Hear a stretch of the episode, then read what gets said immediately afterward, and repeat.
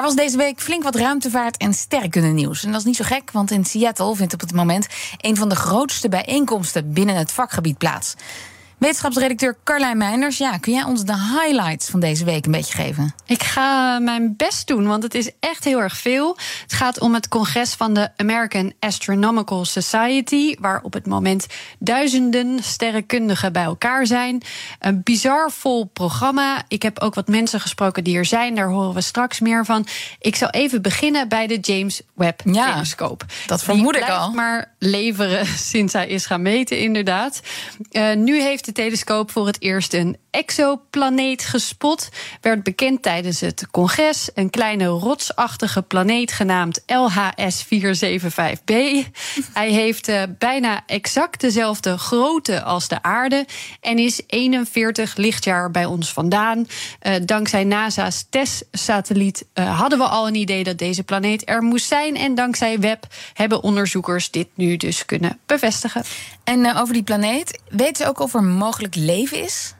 Zover is het nog niet. Daarvoor moet je weten: heeft de planeet een atmosfeer? En zo ja, waar bestaat die dan uit? En dat weten ze nog niet exact.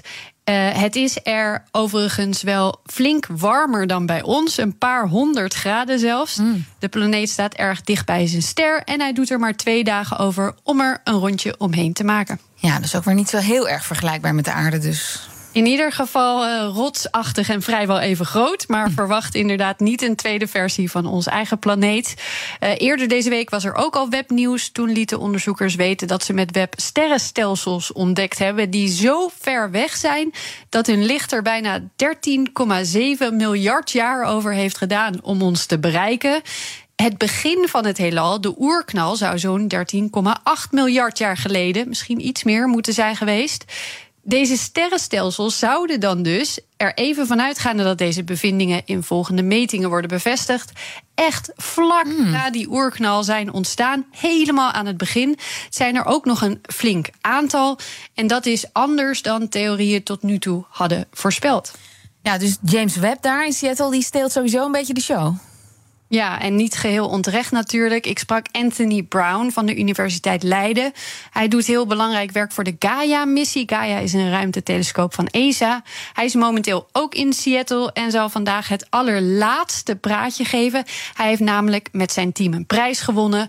Hun dataset gaf ons vorig jaar nog het meest gedetailleerde beeld van de Melkweg tot nu toe. Ik weet niet of jullie je dat nog kunnen nou, herinneren. Nou, ja. Uh, ja, ze werken ondertussen alweer aan de volgende release. En hij was onder andere al naar het praatje geweest van Jane Rigby. En zij heeft dan weer leiding gegeven aan het testen van alle instrumenten aan boord van Web. En dat was voor de Amerikanen natuurlijk een, een emotioneel uh, moment. Ze hebben natuurlijk uh, meer dan 30 jaar hieraan gewerkt, 10 miljard dollar verder. Natuurlijk een hoop gemoord tussendoor. Maar nu werkt alles, alles perfect. En, dus het was voor, voor iedereen ja, een beetje een ontlading, denk ik. En ik kon het ook wel merken. Na afloop kreeg ze dus ook een staande ovatie. En het was duidelijk ook de, de, degene die haar inleidde en, en daarna de stellen van vragen coördineerde. die waren ook heel, heel enthousiast heel emotioneel. Dus dat was wel, uh, was wel leuk om te zien. Eschron-onderzoeker uh, Daniela Huppenkoten was er ook bij. Die, bij die toch wel bijzondere presentatie dus. dus. Zij vertelde dat nog maar weer eens werd benadrukt... hoe boven verwachting goed Web het doet. There was a question on how long the mission would operate that which depends on the fuel that they have and they think they might have enough fuel for you know at least sort of 20 years of operations niet de geplande vijf, dus maar misschien wel twintig jaar. Hartstikke mooi als dat lukt natuurlijk. Bizar om te bedenken hoeveel data er in die periode verzameld kan worden. Als we nu al zoveel hebben in zo'n korte tijd.